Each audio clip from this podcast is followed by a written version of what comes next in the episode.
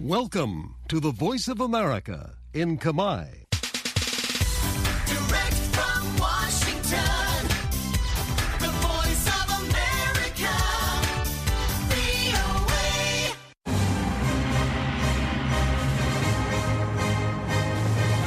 សួស្តីប្រិយមិត្តអ្នកស្ដាប់ជាទីមេត្រីនៅក្នុងកម្មវិធីផ្សាយតាមវិទ្យុរបស់ VOA នៅរាត្រីថ្ងៃសុក្រទី23ខែកុម្ភៈឆ្នាំ2024នេះ ខ្ញុំលីម៉ូរីវ៉ាន់និងសហការីនៃក្រុមផ្សាយជាខេមរៈភាសាសូមស្វាគមន៍ប្រិយមិត្តពីរដ្ឋធានី Washington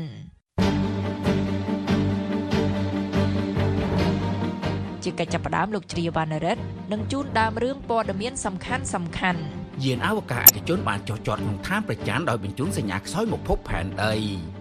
សាររដ្ឋអាមេរិកនិងចក្រភពអង់គ្លេសគាំទ្រនាយករដ្ឋមន្ត្រីប្រទេសហូឡង់ជាមេដឹកនាំថ្មីរបស់អង្គការអូតង់ អាមេរិកមានគម្រោងដាក់ទណ្ឌកម្មខ្លាំងថែមទៀតដល់រុស្ស៊ីក្រោយសង្គ្រាម2ឆ្នាំនៅអ៊ុយក្រែន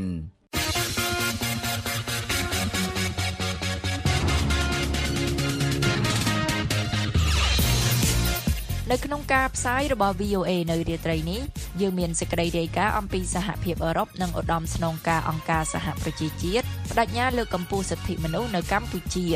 លោកហ៊ុនម៉ាណែតនឹងទៅបំពេញទស្សនកិច្ចនៅអូស្ត្រាលី ដើម្បីចូលរួមកិច្ចប្រជុំកំពូលពិសេសអូស្ត្រាលីអាស៊ានហើយនឹងសេចក្តីរាយការណ៍អំពីកម្ពុជាត្រៀមបោះឆ្នោតព្រឹទ្ធសភានាថ្ងៃអាទិត្យខណៈបិទបញ្ចប់យុទ្ធនាការឃោសនាលោកអ្នកនាងនឹងបានស្ដាប់សេចក្តីរាយការណ៍ទាំងនេះនិងសេចក្តីរាយការណ៍ផ្សេងទៀតក្រោយព័ត៌មានអន្តរជាតិដែលនាំមកជូនដោយលោកជ្រាវណ្ណរិទ្ធចាសសូមអញ្ជើញលោកវណ្ណរិទ្ធបាទអរគុណយានអវកាសមួយគ្រឿងរបស់ក្រុមហ៊ុនឯកជនអាមេរិកបានចុះចតលើឋានប្រច័ណ្ឌ ប៉ុន្តែមន្ត្រីក្រុមហ៊ុនបាននិយាយថាយានអវកាសនេះបានបញ្ជូនសញ្ញាខ្សោយមកភពផែនដីនេះបើតាមសេចក្តីរាយការណ៍របស់ទីភ្នាក់ងារសារព័ត៌មាន AP យានអវកាសនេះបានហោះអណ្ដែតដល់ផ្នែកខាងលើនៃឋានប្រច័ណ្ឌកាលពីថ្ងៃប្រហ័សម្សិលមិញដើម្បីស្វែងរកកន្លែងទំនាបចុះចតនៅពលភាគខាងត្បូងនៃឋានប្រច័ណ្ឌដែលសម្បូរដោយជលងថ្មនិងរណ្ដៅជាច្រើនកន្លែងក្រុមហ៊ុន Intuitive Machines បានព្យាយាមដើម្បីក្លាយជាក្រុមហ៊ុនឯកជនលើកដំបូងគេដែលបានចុះចតលើឋានប្រច័ណ្ឌ ដែលរហូតមកដល់ពេលនេះមានតែប្រទេស5ប៉ុណ្ណោះដែលអាចបញ្ជូនយានអវកាសរបស់ខ្លួនឡើងដល់ឋានប្រច័ណ្ឌយានអវកាសនេះជាផ្នែកមួយនៃកិច្ចប្រឹងប្រែងរបស់អង្គការ NASA អាមេរិកក្នុងការធ្វើដំណើរជាលក្ខណៈពាណិជ្ជកម្មទៅកាន់ឋានប្រច័ណ្ឌមុនពេលគម្រោងការវិលត្រឡប់ទៅវិញនៃក្រុមអវកាសយានិកទៅកាន់ទីនោះសហរដ្ឋអាមេរិកបានបញ្ចប់កម្មវិធីទៅឋានប្រចាំងក្នុងឆ្នាំ1972បន្ទាប់ពីយានអវកាស Apollo របស់ទីភ្នាក់ងារ NASA បានបញ្ជូនអវកាសយានិក12នាក់ទៅកាន់ទីនោះ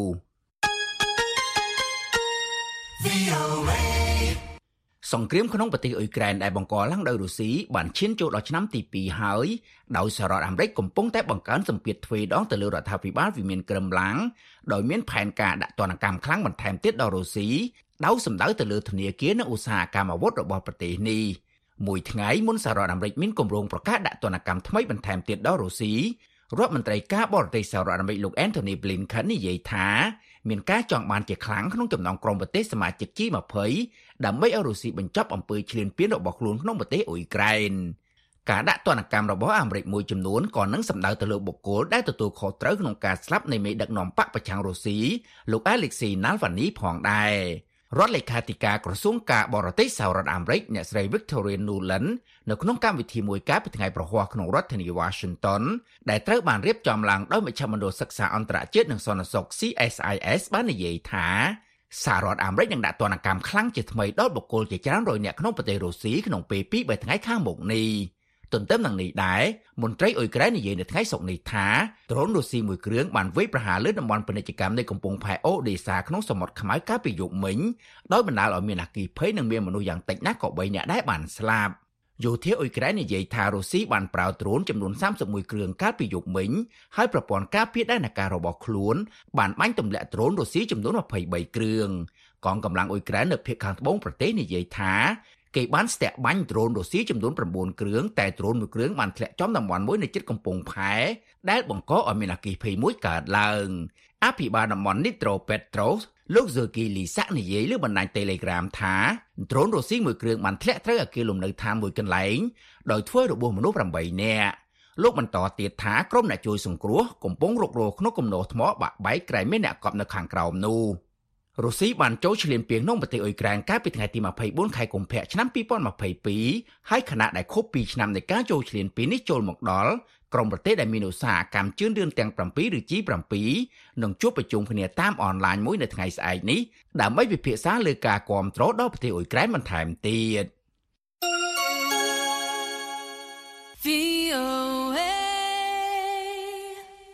នាយករដ្ឋមន្ត្រីជិតផុតអាណត្តិរបស់ប្រទេសហូឡង់លោកម៉ាករូតេកំពុងខិតកាន់តែជិតដើម្បីក្លាយជាអគ្គលេខាធិការថ្មីរបស់អង្គការអូតង់ក្រោយពីមានការគាំទ្រដោយសហរដ្ឋអាមេរិកនិងចក្រភពអង់គ្លេសកាលពីថ្ងៃប្រហ័សម្សិលមិញ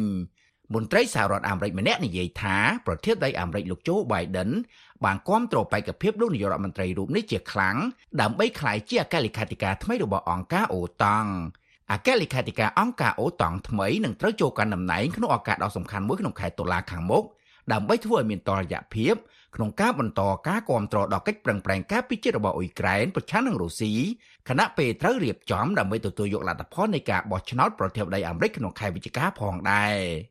អតីតប្រធានាធិបតីអាមេរិកលោកដូណាល់ត្រាំដែលត្រូវគេរំពឹងថានឹងប្រកួតប្រជែងជាមួយប្រធានាធិបតីក្នុងតំណែងបច្ចុប្បន្នគឺលោកโจ Biden បានរងការរិះគន់ជាច្រើនថាមិនមានការតាំងចិត្តពេញលេញក្នុងការការពារសម្ព័ន្ធភាពអង្គការអូតង់ដោយលើកឡើងការពីដើមខែកុម្ភៈថា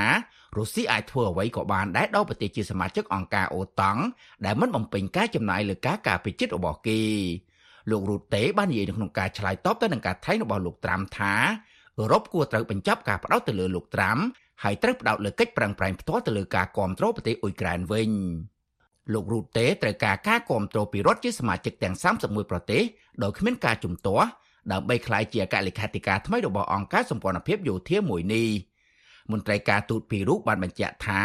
លោករូតេមកដល់ពេលនេះមានការគ្រប់គ្រងសម្រាប់តួនាទីនេះពីប្រទេសជាសមាជិកអង្គការអូតង់ចំនួន20ប្រទេសហើយ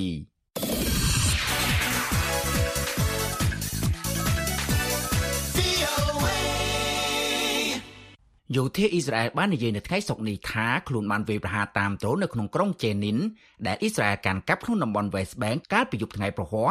ដោយបានសម្លាប់ជនម្នាក់ជាប់សង្ស័យថាជាសកម្មយុទ្ធនៃក្រុមអ៊ីស្លាមជីហាត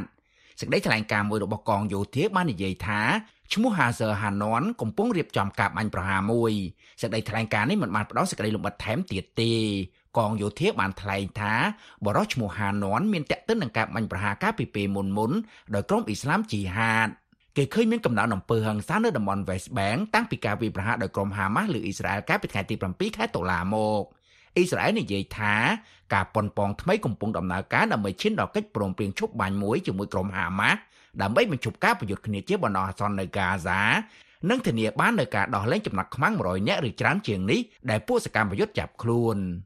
ប្រព័ន្ធផ្សព្វផ្សាយអ៊ីស្រាអែលបានរាយការណ៍ថាការប៉ុនប៉ងទាំងនោះរួមមានការបញ្ជូនអ្នកចរចានៅថ្ងៃសុក្រនេះ ដើម្បីចរចាបត់ឈប់បាញ់នៅទីក្រុងប៉ារីក្នុងប្រទេសវៀតណាមឯណោះវិញក្រុមហ៊ុន VinFast ផលិតរថយន្តអគ្គិសនីវៀតណាមបានរាយការណ៍អំពីការខាត់ប្រាក់ចំណេញជាង2000លានដុល្លារក្នុងឆ្នាំ2023នៅក្រៅលក់រថយន្តខ្លួនបានតិចជាងផែនការទោះជាមានកំណើនប្រាក់ចំណូល90%ក៏ដោយក្រុមហ៊ុនផលិតរថយន្តក្នុងស្រុកដំបងនៃរដ្ឋកុម្មុយនីសមួយនេះបានព្យាយាមចូលក្នុងទីផ្សារអន្តរជាតិដោយមានគោលដៅប្រកួតជាមួយមហាក្រុមហ៊ុនរថយន្តអគ្គិសនីសកលដូចជាក្រុមហ៊ុន Tesla ជាដើម ក្រុមហ៊ុន VinFast បាននិយាយនៅក្នុងសំណុំឯកសារដាក់ទៅគណៈកម្មាធិការសញ្ញាប័ណ្ណនិងការបដូរប្រាក់សហរដ្ឋអាមេរិកថាប្រាក់ចំណូលសរុបរបស់ខ្លួនក្នុងឆ្នាំ2023មាន1.19000លានដុល្លារគឺកើនឡើង91%ប្រៀបធៀបនឹងឆ្នាំ2022តែក្រុមហ៊ុននេះក៏បានរាយការណ៍ដែរអំពីការប្រកបអាជីវកម្មខាតចំនួន2.39,000លានដុល្លារគឺកើនឡើង14.7%ប្រៀបធៀបនឹងឆ្នាំ2022នៅក្រោយមិនបានសម្រេចតាមផែនការលក់រថយន្តអគ្គិសនីរបស់ខ្លួន ក្នុងរឿងដាច់ដោយឡែកមួយទៀតការលក់ផ្ទះនៅសហរដ្ឋអាមេរិកកើនឡើងក្នុងខែមករាបើតាមទៅនឹងនៃឧស្សាហកម្មចេញផ្សាយកាលពីថ្ងៃប្រហ័សដោយមានការដាក់លក់ផ្ទះច្រើនជាងមុននិងមានសេចក្តីត្រូវការច្រើនជាងមុននៅពេលដែលពួកអ្នកទិញផ្ទះឆ្លៀតយកឱកាសនៅពេលអត្រាការប្រាក់សម្រាប់ទិញផ្ទះចុះទាបជាងមុនសមាគមជាតិក្រុមអ្នកលក់ផ្ទះបាននិយាយថាការលក់ផ្ទះមានម្ចាស់ពីមុនបានកើនឡើង3.1%ពីខែធ្នូដល់ខែមករាតាមអត្រាសម្របសម្រួលប្រចាំឆ្នាំចំនួន4.0លាន ការនេះជាការលក់ផ្ទះច្រើនបំផុតតាំងពីខែសីហាឆ្នាំ2023មក នៅពេលអត្រាការប្រាក់ចុះថយបន្តិចក្នុងខែមករាអត្រាការប្រាក់កើនឡើងកាលពីប្រមាណឆ្នាំថ្មីថ្មីនេះដោយសារធនាគារកណ្ដាលអាមេរិកបានបង្កើនការប្រាក់សម្រាប់ប្រាក់កម្ចីដើម្បីប្រយុទ្ធប្រឆាំងនឹងអតិផរណា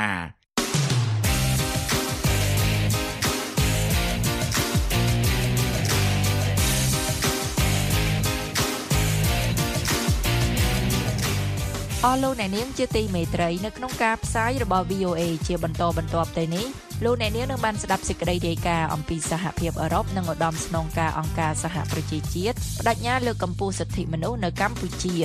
លោកហ៊ុនម៉ាណែតនឹងទៅបំពេញទស្សនកិច្ចនៅអូស្ត្រាលីដើម្បីចូលរួមកិច្ចប្រជុំកំពូលពិសេសអូស្ត្រាលីអាស៊ានហើយនឹងសេចក្តីរាយការណ៍អំពីកម្ពុជាត្រៀមបោះឆ្នោតព្រឹទ្ធសភានាថ្ងៃអាទិត្យខណៈបិទបញ្ចប់យុទ្ធនាការឃោសនា ហើយនៅក្នុងការផ្សាយ30នាទីចុងក្រោយរបស់យើងខ្ញុំយើងមានសេចក្តីរាយការណ៍អំពីការបោះឆ្នោតសំខាន់សំខាន់នៅឆ្នាំ2024ឆ្លុះបញ្ចាំងពីការប្រទាញប្រទង់គ្នារវាងលទ្ធិប្រជាធិបតេយ្យនិងលទ្ធិផ្ដាច់ការនិយម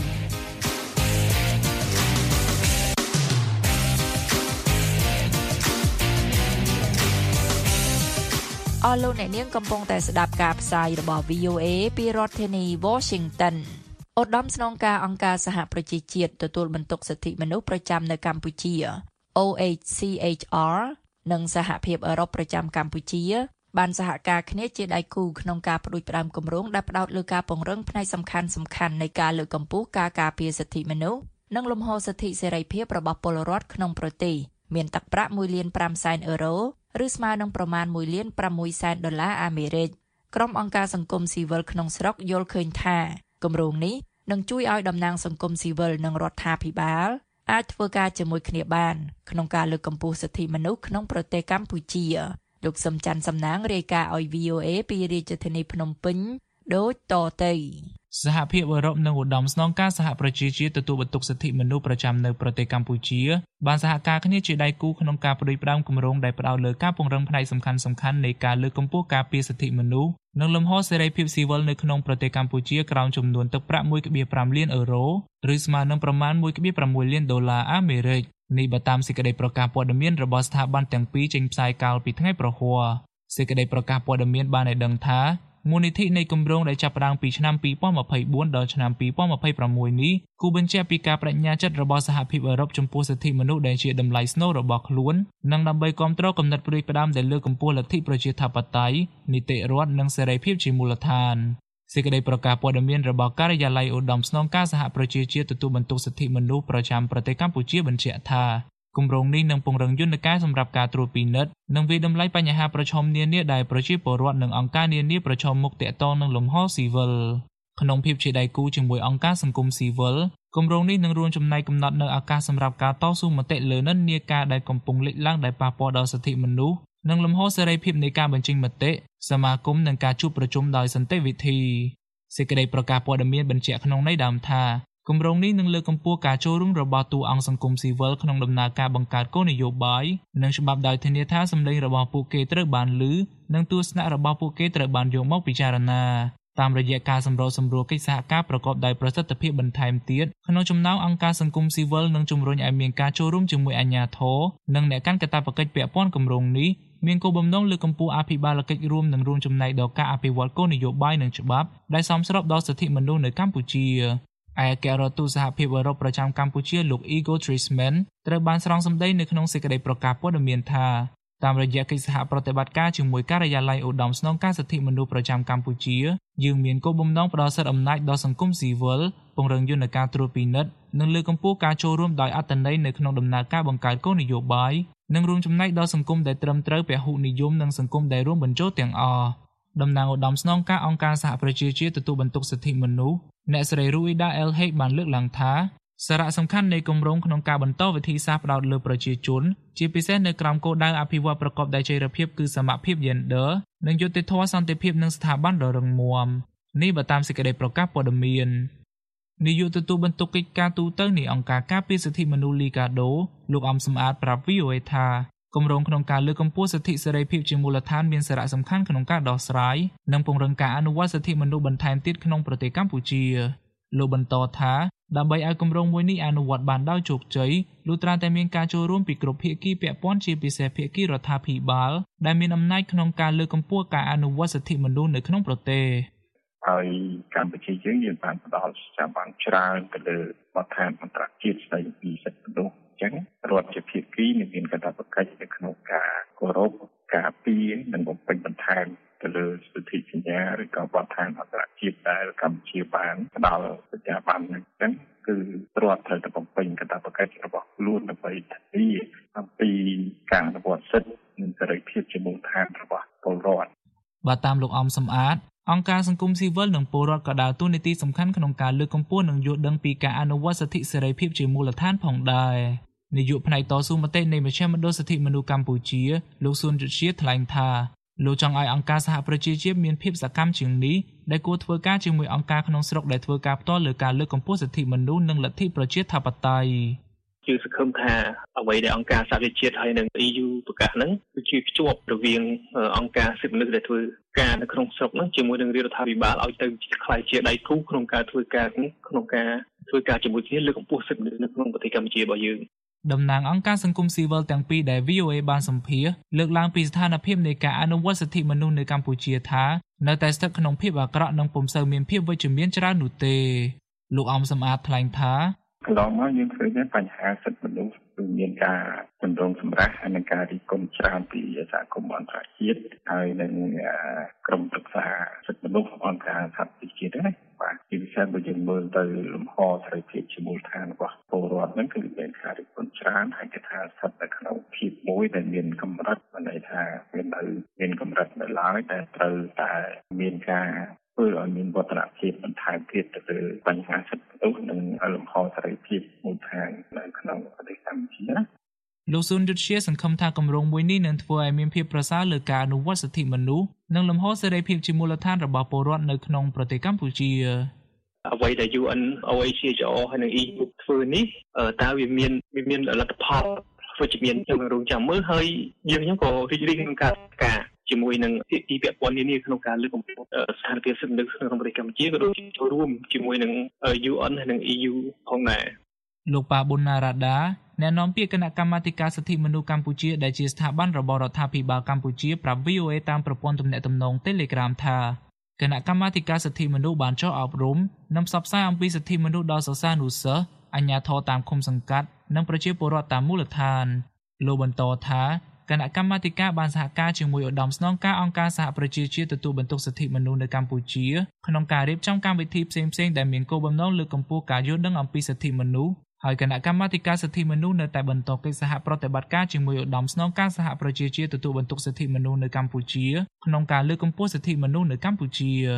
យុទ្ធសាស្ត្ររបស់ឧត្តមស្នងការសហប្រជាជាតិទទួលបន្ទុកសិទ្ធិមនុស្សកំពុងពង្រឹងភាពជាដៃគូជាមួយអង្គភាពរដ្ឋាភិបាល ស្ថាប័នអប់រំនិងអង្គការសង្គមស៊ីវិលឧត្តមស្នងការសហប្រជាជាតិទទួលបន្ទុកសិទ្ធិមនុស្សនឹងផ្ដោតលើការលើកកម្ពស់ការយល់ដឹងអំពីយន្តការសិទ្ធិមនុស្សអន្តរជាតិនិងការដោះស្រាយការរំលោភសិទ្ធិមនុស្សដែលប៉ះពាល់ដល់ក្រុមងាយរងគ្រោះរួមមានជនជាតិដើមភាគតិចបុគ្គលដែលស្ថិតនៅក្នុងក្រុម LGBT ជនមានពិការភាពស្ត្រីនិងយុវជនព្រមទាំងសកម្មជនបរិស្ថានអ្នកការពារសិទ្ធិមនុស្សអ្នកសារព័ត៌មាននិងសមាជិកសហជីព នេះបើតាមសេចក្តីប្រកាសព័ត៌មានរបស់ការិយាល័យឧត្តមស្នងការអង្គការសហប្រជាជាតិទទួលបន្ទុកសិទ្ធិមនុស្សប្រចាំប្រទេសកម្ពុជាស្ថាប័នមួយនេះបន្តថាខ្លួននៅតែបន្តការបដិញ្ញាចិត្តក្នុងការជួយដល់រដ្ឋាភិបាលកម្ពុជាក្នុងការបំពេញការបដិញ្ញាចិត្តគោរពសិទ្ធិមនុស្សតាមរយៈការលើកកម្ពស់សេរីភាពជាមូលដ្ឋានការលើកកម្ពស់សមភាពការពង្រឹងនីតិរដ្ឋនិងការជំរុញឲ្យមានការបង្កើតគោលនយោបាយនិងច្បាប់រួមឧត្តមស្នងការអង្គការសហប្រជាជាតិទទួលបន្ទុកសិទ្ធិមនុស្សបញ្ជាក់ថា ខ្លួនខិតខំលើកកម្ពស់សិទ្ធិមនុស្សនិងរួមចំណែកដល់ដំណើរការរបស់ប្រទេសកម្ពុជាឆ្ពោះទៅរកសង្គមមួយដែលកាន់តែយុត្តិធម៌និងសមធម៌រីកាប្រជាធានីភ្នំពេញខ្ញុំសំច័ន្ទសំណាង VOA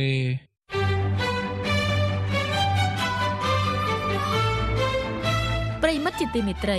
ឥឡូវនេះកម្មវិធី Hello VOA ស្ដីពីសុខភាព ដែលតែងតែចាក់ផ្សាយនៅរៀងរាល់រាត្រីថ្ងៃប្រហ័សសប្តាហ៍ទី3នៃខែនីមួយៗក៏មានជាវីដេអូផងដែរលោកអ្នកអាចទស្សនាកម្មវិធី Hello VOA ស្ដីពីសុខភាពនេះបានដោយចូលទៅកាន់គេហទំព័ររបស់យើងខ្ញុំ ដែលមានអាសយដ្ឋានខ្មែរ .voanews.com រួចចុចលើកម្មវិធី Hello VOA នោះលោកអ្នកនឹងចូលទៅដល់ទំព័រមួយទៀតដែលមានកម្មវិធី Hello VOA សុខភាពហើយលោកអ្នក អាចទស្សនាវីដេអូមួយណាក៏បាន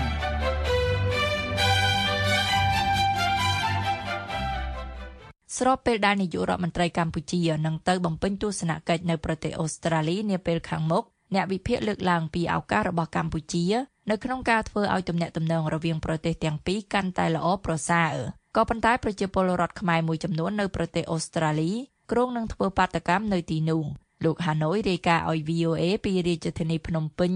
ដូចតទៅ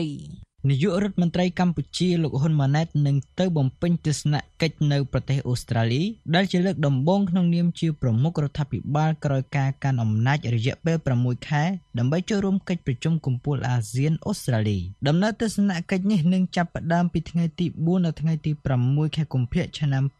2024ដើម្បីអបអរភាពជាដៃគូសន្ទនាមួយអស់រយៈពេល50ឆ្នាំមកហើយនេះបើយោងតាមសេចក្តីប្រកាសព័ត៌មានដែលបង្ហោះលើគេហទំព័ររបស់ក្រសួងការបរទេស អូស្ត្រាលីនៅវិភាគមើលឃើញថាដំណើរទស្សនកិច្ចនេះគឺជាឱកាសមួយសម្រាប់កម្ពុជា និងអូស្ត្រាលីនៅក្នុងការធ្វើឲ្យទំនាក់ទំនងរវាងប្រទេសទាំងពីរកាន់តែល្អប្រសើរប៉ុន្តែវាទាមទារឲ្យកម្ពុជាស្ដារនៅលទ្ធិប្រជាធិបតេយ្យនិងសិទ្ធិមនុស្សផងដែរសាស្ត្រាចារ្យវិទ្យាសាស្ត្រនយោបាយលោកអែមសវណ្ណារាប្រាប់ VOA នៅថ្ងៃសុក្រនេះថាជំហររបស់អូស្ត្រាលីគឺដូចគ្នាទៅនឹងបណ្ដាប្រទេសនៅអឺរ៉ុបនិងអាមេរិកដែរដែលចង់ឲ្យកម្ពុជាស្ដារឡើងវិញនៅលទ្ធិប្រជាធិបតេយ្យនិងសិទ្ធិមនុស្សលោកបន្ថែមថាបញ្ហាចម្រូងចម្រាសមួយទៀតគឺរឿងការធ្វើទំនើបកម្មមូលដ្ឋានកងទ័ពរៀមពីសំណាក់កងទ័ពចិនដែលមានការព្រួយបារម្ភអំពីការប្រើប្រាស់ជាមូលដ្ឋានទ័ពចិនពាក់ព័ន្ធនឹងវត្តមានយោធាបរទេសជាដើមនៅលើកឡើងហើយនឹងបញ្ហាសិទ្ធិមនុស្ស សិទ្ធិនយោបាយនេះបើសិនបើជាទីជំពីសម្រាប់បាននៅការជាប្រតិបត្តិគ្នាជាកិច្ចការមួយល្អប៉ុន្តែបើសិនបើអត់បានលើកមកជជែកឬក៏និយាយឲ្យមានការរីកចម្រើនលើវិស័យនយោបាយប្រជាធិបតេយ្យទេខ្ញុំគិតថា កិច្ចប្រជុំតំបន់រវាងអូស្ត្រាលីហើយនិងអង្គការតំបន់អាស៊ាននឹងមានមិនសូវមានផលប្រយោជន៍ច្រើនសម្រាប់កម្ពុជាទេបាទបើតាមអ្នកវិភាគរូបនេះកម្ពុជានិងអូស្ត្រាលី មានកិច្ចសហប្រតិបត្តិការជាមួយគ្នាជាច្រើនពាក់ព័ន្ធនឹងវិស័យសេដ្ឋកិច្ចទប់ស្កាត់អ ுக ្រិតកម្មឆ្លងដែននិងការជួញដូរគ្រឿងញៀនប៉ុន្តែលោកចង់ឃើញកម្ពុជាយកឱកាសនេះដើម្បីជជែកជាមួយមេដឹកនាំអូស្ត្រាលីដើម្បីធ្វើឲ្យមានកិច្ចសហប្រតិបត្តិការសមយុទ្ធយោធាឡើងវិញ បើនិយាយពីទំនាក់ទំនងអូស្ត្រាលីនិងអាស៊ានវិញលោកអែមសវណ្ណារាអះអាងថាអូស្ត្រាលីក៏ដូចជាអាមេរិកដែរគឺមិនចង់ឃើញប្រទេសជាសមាជិកអាស៊ានណាមួយមានភាពលោកល្អឿនជាមួយចិននោះទេសហស្ថាបនិកនៃវិទ្យាស្ថានប្រជាធិបតេយ្យកម្ពុជាលោករវណ្ណៈលើកឡើងថាដំណើរទស្សនកិច្ចនេះនឹងពង្រឹងបន្ថែមទៀតនៅកិច្ចសហប្រតិបត្តិការទ្វេភាគីរវាងកម្ពុជានិងអូស្ត្រាលីលោកបញ្ជាក់ជាអក្សរថានេះអាចកំណត់របៀបវិរៈនៃការធ្វើពិពិធកម្មការទូតរបស់កម្ពុជាដើម្បីស្វែងរកឱកាសសេដ្ឋកិច្ចនិងផលប្រយោជន៍ជាតិដំណើរទស្សនកិច្ចតំណងជានឹងពង្រឹងកិច្ចសហប្រតិបត្តិការក្នុងការវិនិយោគពាណិជ្ជកម្មនិងអប់រំ អ្នកវិភាគរូបនេះបន្ថែមថាមេដឹកនាំអូស្ត្រាលីគួរតែលើកបញ្ហានៃការអភិវឌ្ឍលទ្ធិប្រជាធិបតេយ្យនៅកម្ពុជានៅក្នុងកិច្ចប្រជុំពិសេសខណៈលោកមើលឃើញថាលោកហ៊ុនម៉ាណែតអាចទទួលយកការចូលរួមបែបស្ថាបនាពីភាគីនានាលោកបញ្ជាក់ថាសារៈសំខាន់នៃស្ថាប័នរដ្ឋដ៏រឹងមាំគណៈបកប្រឆាំងដែលមានឱកាសស្មើគ្នាសម្រាប់ការប្រកួតប្រជែងដោយសេរីនិងយុត្តិធម៌សង្គមស៊ីវិលដ៏រស់រវើកនិងប្រព័ន្ធផ្សព្វផ្សាយឯករាជ្យមិនអាចត្រូវបានគេប្រងើយកន្តើយឡើយនេះ មានសារៈសំខាន់ណាស់សម្រាប់ផលប្រយោជន៍នៃប្រទេសទាំងពីរដែលកំពុងប្រកាន់ខ្ជាប់នៅប្រព័ន្ធសភានៅគ្រាលោកហ៊ុនម៉ាណែតនឹងបំពេញទស្សនកិច្ចនៅទីក្រុងមែលប៊ននៃប្រទេសអូស្ត្រាលីប្រជាពលរដ្ឋកម្ពុជានៅទីនោះក៏ត្រៀមខ្លួនដើម្បីធ្វើបាតកម្មប្រឆាំងនឹងមេដឹកនាំរូបនេះផងដែរប្រធានសាខាសហព័ន្ធខ្មែរកម្ពុជាក្រមប្រចាំរដ្ឋវីកតូរីយ៉ាប្រទេសអូស្ត្រាលីលោកឡែមណារ៉ាប្រាប់ VOA ថាប្រជាពលរដ្ឋប្រមាណ1000នាក់នឹងចូលរួមធ្វើបាតកម្មនៅថ្ងៃទី2ខែមីនាឆ្នាំ2023ខាងមុខលោកបន្ថែមថាការដែលពួកគេធ្វើបាតកម្មគឺដោយសារតែមិនពេញចិត្តនឹងការដឹកនាំរបស់លោកហ៊ុនម៉ាណែតដែលលោកថាមានការរំលោភសិទ្ធិមនុស្សនិងមិនគោរពតាមស្មារតីកិច្ចព្រមព្រៀងទីក្រុងប៉ារីសហើយគោលបំណងរបស់យើងគឺយើងមិន ពេញចិត្តអឺហ៊ុនម៉ាណែតដឹកនាំប្រទេសទេដោយសារគឺថាការបោះឆ្នោតខ្លែងខ្លាយបន្លំហើយដឹកនាំអឺចាប់ចាប់ដល់ពី PO PO ដល់កូនណាមិនមែនជារបៀបប្រជាធិបតេយ្យត្រឹមត្រូវទេហ្នឹងហើយ បើតាមលោកឡែមណារ៉ាក្រុមការងាររបស់លោកក៏បានដាក់ញត្តិទៅនាយករដ្ឋមន្ត្រីអូស្ត្រាលីដោយលើកឡើងពីការមិនទទួលស្គាល់លោកហ៊ុនម៉ាណែតជានាយករដ្ឋមន្ត្រីហើយក៏ជំរុញឲ្យប្រទេសជាហត្ថលេខីនៃកិច្ចព្រមព្រៀងទីក្រុងប៉ារីសឆ្នាំ1991អន្តរាគមន៍ដើម្បីឲ្យកម្ពុជាមានលទ្ធិប្រជាធិបតេយ្យអូស្ត្រាលីក៏ជាប្រទេសមួយក្នុងការចូលរួមចំណែកជួយដល់កម្ពុជា ក្នុងការនាំកម្ពុជាទៅរកកន្លងប្រជាធិបតេយ្យ អ្នកនាំពាក្យរដ្ឋាភិបាលកម្ពុជាលោកប៉ែនបូណាប្រាប់ VOA ថាការមានប្រជាពលរដ្ឋសម្ដែងមតិតាមរយៈការធ្វើបាតកម្មគឺជារឿងធម្មតានៅក្នុងសង្គមប្រជាធិបតេយ្យការបញ្ចេញមតិសម្ដែងបាតកម្មអីពីសំណាក់បងប្អូនប្រជាពលរដ្ឋខ្មែរមួយក្តាប់តូចនៅឯក្រៅប្រទេសអឺនៅពេលដែលមានប្រមុខដឹកនាំ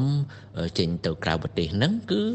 ជារឿងធម្មតាទេបាទនៅក្នុងសង្គមប្រជាធិបតេយ្យណាបាទ អឺអត់មានប៉ះពាល់អីទៅដល់ប្រទេសកម្ពុជាឬទៅដល់អឺមុខមាត់របស់ប្រមុខដឹកនាំទេផ្ទុយទៅវិញការសម្ដែងមតិនេះវាបានបង្ហាញឲ្យសាធារណមតិជាតិនិងអន្តរជាតិបានមើលឃើញកាន់តែច្បាស់អំពីចិញ្ចៀនប្រជាធិបតេយ្យនៅកម្ពុជា បើតាមស្ថានទូតអូស្ត្រាលីនៅកម្ពុជាអូស្ត្រាលីនិងកម្ពុជាមានមិត្តភាពទំនាក់ទំនងយូរអង្វែងនិងកិច្ចសហប្រតិបត្តិការជាប្រវត្តិសាស្ត្រហើយឆ្នាំនេះជាខួបទី70នៃទំនាក់ទំនងការទូតរវាងប្រទេសទាំងពីរ ឯកអគ្គរដ្ឋទូតអូស្ត្រាលីប្រចាំកម្ពុជា លោក Justin Wyatt ធ្លាប់បានបញ្ជាក់កាលពីចុងខែមករាថាកម្ពុជានិងអូស្ត្រាលីសហការគ្នាក្នុងវិស័យជាច្រើនរួមមានសុខាភិបាលការអប់រំកសិកម្មការអភិវឌ្ឍសេដ្ឋកិច្ចធម្មពលនិងអាកាសធាតុការការពារសង្គមនិងសន្តិសុខសង្គមសង្គមស៊ីវិលលទ្ធិប្រជាធិបតេយ្យនិងសិទ្ធិមនុស្សលោកបន្ថែមថាអូស្ត្រាលីក៏កំពុងស្វែងរកផលប្រយោជន៍រួមក្នុងតំបន់តាមរយៈអាស៊ានផងដែរបើតាមឯកអគ្គរដ្ឋទូតរូបនេះឆ្នាំនេះអាស៊ាននិងប្រទេសអូស្ត្រាលីប្រារព្ធខួប50ឆ្នាំនៃភាពជាដៃគូសន្តិនិកហើយប្រទេសអូស្ត្រាលីរងចាំទទួលស្វាគមន៍លោកនាយករដ្ឋមន្ត្រីហ៊ុនម៉ាណែតនិងថ្នាក់ដឹកនាំអាស៊ាននិងទីម៉ូខាងកើតក្នុងកិច្ចប្រជុំកំពូលពិសេសនៅដើមខែមីនាខាងមុខលោក Justin Wyatt បញ្ជាក់ក្នុងសេចក្តីប្រកាសព័ត៌មានមួយកាលពីថ្ងៃទី31ខែមករាឆ្នាំ2024ថាក្នុងនាមជាដៃគូសន្តិនិកដំបូងរបស់អាស៊ាននិងជាដៃគូយុទ្ធសាស្ត្រគ្រប់ជ្រុងជ្រោយមួយប្រទេសអូស្ត្រាលីបញ្ញាយ៉ាងមុតមុំចំពោះភាពជាមជ្ឈភាពអាស៊ាននិងទស្សនវិស័យអាស៊ានស្ដីពីតំបន់ Indo-Pacific ប្រទេសអូស្ត្រាលីមើលឃើញថាអាស៊ានគឺជាចំណុចស្នូលនៃតំបន់ដែលមានស្ថិរភាពសន្តិភាពវិបុលភាព និងសន្តិសុខរាយការណ៍ពីរាជធានីភ្នំពេញខ្ញុំហាណូយ VOA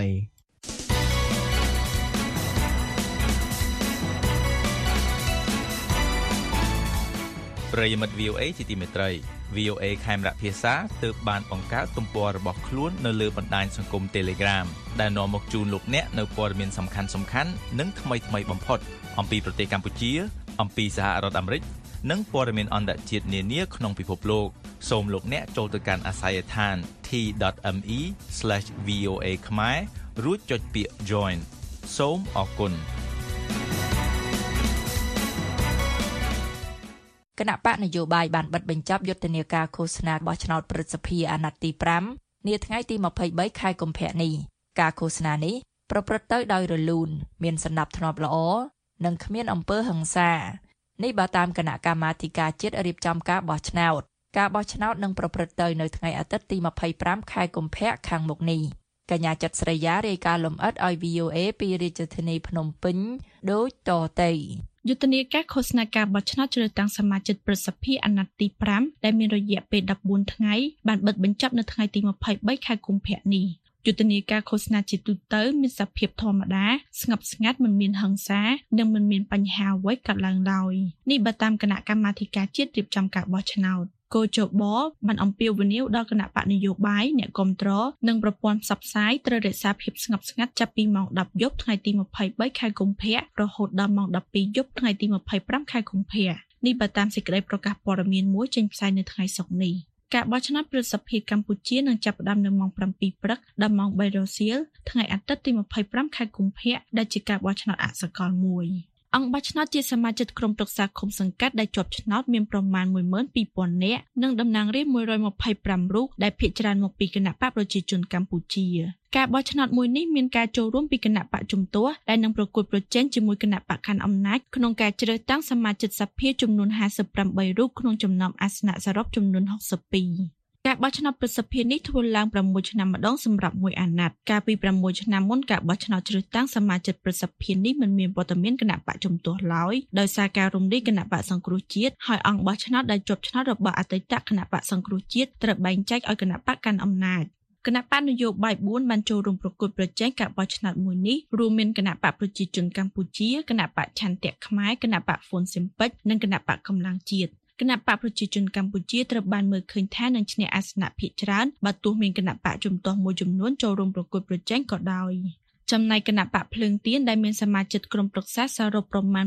2200នាក់បានជ្រើសរើសគណៈបកឆន្ទៈខ្មែរដែលជាគណៈបកមួយក្នុងសម្ព័ន្ធរបស់ខ្លួនដើម្បីចូលរួមការបោះឆ្នោតប្រសិទ្ធភាពលើកនេះគណៈបកភ្លើងទៀនមិនអាចចោះឈ្មោះចូលរួមប្រកួតប្រជែងបានដោយសារបញ្ហាបាត់ឯកសារចុះបញ្ជីដើមរបស់គណៈបក គណៈបកជំទាស់មួយនេះរំពឹងថានឹងទទួលបានអាសនៈប្រសិទ្ធភាពចំនួន9ទៅតាមចំនួនក្រុមប្រឹក្សាដែលខ្លួនមានប្រមាណចំនួន2000នាក់ការបោះឆ្នោតជ្រើសតាំងសមាជិកព្រឹទ្ធសភាចាប់ផ្ដើមពីម៉ោង7ព្រឹកដល់ម៉ោង3រសៀលដែលមានអ្នកបោះឆ្នោតសរុបចំនួន11747នាក់ដែលបែងចែកជា8ភូមិភាគនិង33ការិយាល័យបោះឆ្នោតនេះបើតាមគណៈកម្មាធិការជាតិរៀបចំការបោះឆ្នោតហៅកាត់ថាកោជប ក្នុងយុទ្ធនាការឃោសនាបោះឆ្នោតគណៈបកឆន្ទៈខ្មែរដែលជាសម្ព័ន្ធរបស់គណៈបកភ្លើងទៀនបានប្រកាសពីគោលនយោបាយរបស់គណៈបកថាគណៈបកនឹងពង្រឹងទៅលើវិស័យមួយចំនួនដើម្បីជួយសម្រួលដល់ពលរដ្ឋនិងរដ្ឋាភិបាលរួមមានកំណែតម្រង់ប្រព័ន្ធអប់រំការរៀបចំកញ្ចប់ថវិកាជួយរដ្ឋាភិបាលទប់ស្កាត់អំពើពុករលួយការស្ដារជំនឿប្រជាជនទៅលើវិស័យសុខាភិបាលលើកស្ទួយសេដ្ឋកិច្ចជាតិតាមរយៈរក្សាតម្លៃវត្ថុធាតុដើមឲ្យនៅធូរថ្លៃនិងទទួលបានផលកម្រៃច្រើននិងរក្សាទំនាក់ទំនងល្អជាមួយប្រទេសនានាលោកសេងម៉ារ៉ាឌីបេក្ខជននៃភូមិភាគទី4ដែលមានខេត្តបាត់ដំបង បន្ទាយមានជ័យសៀមរាបឧត្តរមានជ័យនិងខេត្តបៃលិនមកពីគណៈបច្ឆន្ទៈខ្មែរថ្លែងនៅក្នុងយុទ្ធនាការឃោសនាថាលោកបដិញ្ញាចិត្តថាបំរើសមាជិកក្រុមប្រឹក្សាឃុំសង្កាត់ទាំងអស់និងបំរើប្រទេសជាតិហើយបន្តបេសកកម្មក្នុងការជួយស្ដារលទ្ធិប្រជាធិបតេយ្យនិងជួយដល់ប្រទេសជាតិបានរុងរឿង អ្វីដែលខ្ញុំអាចធ្វើបាន គឺខ្ញុំនឹងជួយបងប្អូនខ្ញុំបដិញ្ញាចិត្តថាអ្វីដែលបងប្អូននៅភូមិភាគ4យើងតែខិតទូទាំងប្រទេសមានបញ្ហាអីកាលណាខ្ញុំជាបានជាប់ជាតំណាងរបស់តំណាងព្រឹទ្ធសភាហើយជាតំណាងរបស់បងប្អូននៅភូមិភាគនេះខ្ញុំនឹងជួយព្យាយាមខ្ញុំនឹងចុះមកព្យាយាមជួយអន្តរាគមឬជួយគ្រប់សកម្មភាពទាំងអស់ដើម្បីឲ្យបងប្អូនយើងនៅមូលដ្ឋានហ្នឹងមានទំនុកចិត្តហើយយើងរកដំណោះស្រាយជុំគ្នា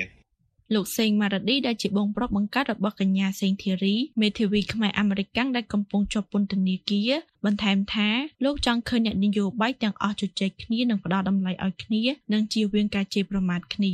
ចំណែកអតីតនាយករដ្ឋមន្ត្រីលោកហ៊ុនសែនដែលជាប្រធានគណៈបកប្រជាជនកម្ពុជានឹងចូលរួមប្រគល់ប្រជែងយកតំណែងសមាជិកប្រសិទ្ធភាពនេះបានចេញសារលិខិតអំឡុងពេលយុទ្ធនាការឃោសនាថាគណៈបកប្រជាជនបដិញ្ញាចិត្តក្នុងការអនុវត្តកម្មវិធីនយោបាយរបស់គណៈបកដើម្បីរក្សាសន្តិភាពនិងការអភិវឌ្ឍ លោកបន្ថែមថាគណៈបកប្រជាជនកម្ពុជាបដិញ្ញាចិត្តបន្តខិតខំអស់ពីលទ្ធភាពពង្រឹងពង្រីកលទ្ធិប្រជាធិបតេយ្យនិងនីតិរដ្ឋហើយធ្វើឲ្យប្រជាជនមានជីវភាពកាន់តែសម្បូរសប្បាយរស់នៅយ៉ាងសុខដុមក្នុងសង្គមប្រកបដោយការគោរពតម្លៃមនុស្សសេរីភាពនិងយុត្តិធម៌ លោកហ៊ុនសែនបន្ថែមថាបើទោះបីការបោះឆ្នោតនេះជាការបោះឆ្នោតអសកលប៉ុន្តែការបោះឆ្នោតនេះកើតចេញពីឆន្ទៈនិងបំណងប្រាថ្នារបស់ប្រជាជនកម្ពុជាពិតប្រាកដព្រោះតំណាងរាស្ត្រនិងសមាជិកក្រុមប្រឹក្សាឃុំសង្កាត់ដែលជាប់ឆ្នោតផ្ទាល់គឺជាអ្នកតំណាងរបស់ប្រជាពលរដ្ឋដែលកើតចេញពីការបោះឆ្នោតនៅមុនចុះចេញពីតំណែងជានាយករដ្ឋមន្ត្រីលោកហ៊ុនសែនបានប្រកាសថាលោកនឹងក្លាយជាប្រធានប្រសិទ្ធិបន្ទាប់ពីការបោះឆ្នោតជ្រើសរើសសមាជិកប្រសិទ្ធិដែលធ្វើឡើងនៅថ្ងៃទី25ខែកុម្ភៈ តេតិននឹងការបោះឆ្នោតប្រសិទ្ធភាពលើកនេះលោកកនសាវាងមន្ត្រីសម្របសម្រួលជាន់ខ្ពស់នៃអង្គការ Confrel ដែលតាមដានការបោះឆ្នោតនៅកម្ពុជាយល់ឃើញថាការចូលរួមពីគណៈបកនយោបាយផ្សេងទៀតដែលមានសម្លេងគ្រប់គ្រងការពីការបោះឆ្នោតឃុំសង្កាត់និងតំណាងរាស្ត្រក្នុងរដ្ឋសភាដូច្នេះប្រសិទ្ធភាពនឹងមានសម្លេងជំទាស់មិនដូចអាណត្តិមុនដែលគ្រប់គ្រងទាំងស្រុងដោយគណៈបកប្រជាជនកម្ពុជាគណៈបកជំទាស់រំពឹងថានឹងមានសម្លេងតតាំងក្នុងព្រឹទ្ធសភា បើតាមគោចបលទ្ធផលផ្លូវការនឹងត្រូវប្រកាសនៅថ្ងៃទី2ខែមេសាក្រោយដោះស្រាយពាក្យបណ្ដឹងរួចរាល់រាយការណ៍ពីរាជធានីភ្នំពេញនាងខ្ញុំចិត្តស្រីយ៉ា VOA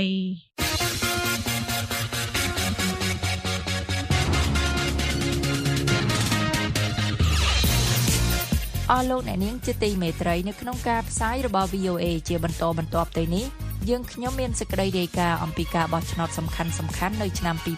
2024ឆ្លុះបញ្ចាំងពីការប្រទាញប្រទង់គ្នារវាងលទ្ធិប្រជាធិបតេយ្យនិងលទ្ធិផ្ដាច់ការនិយម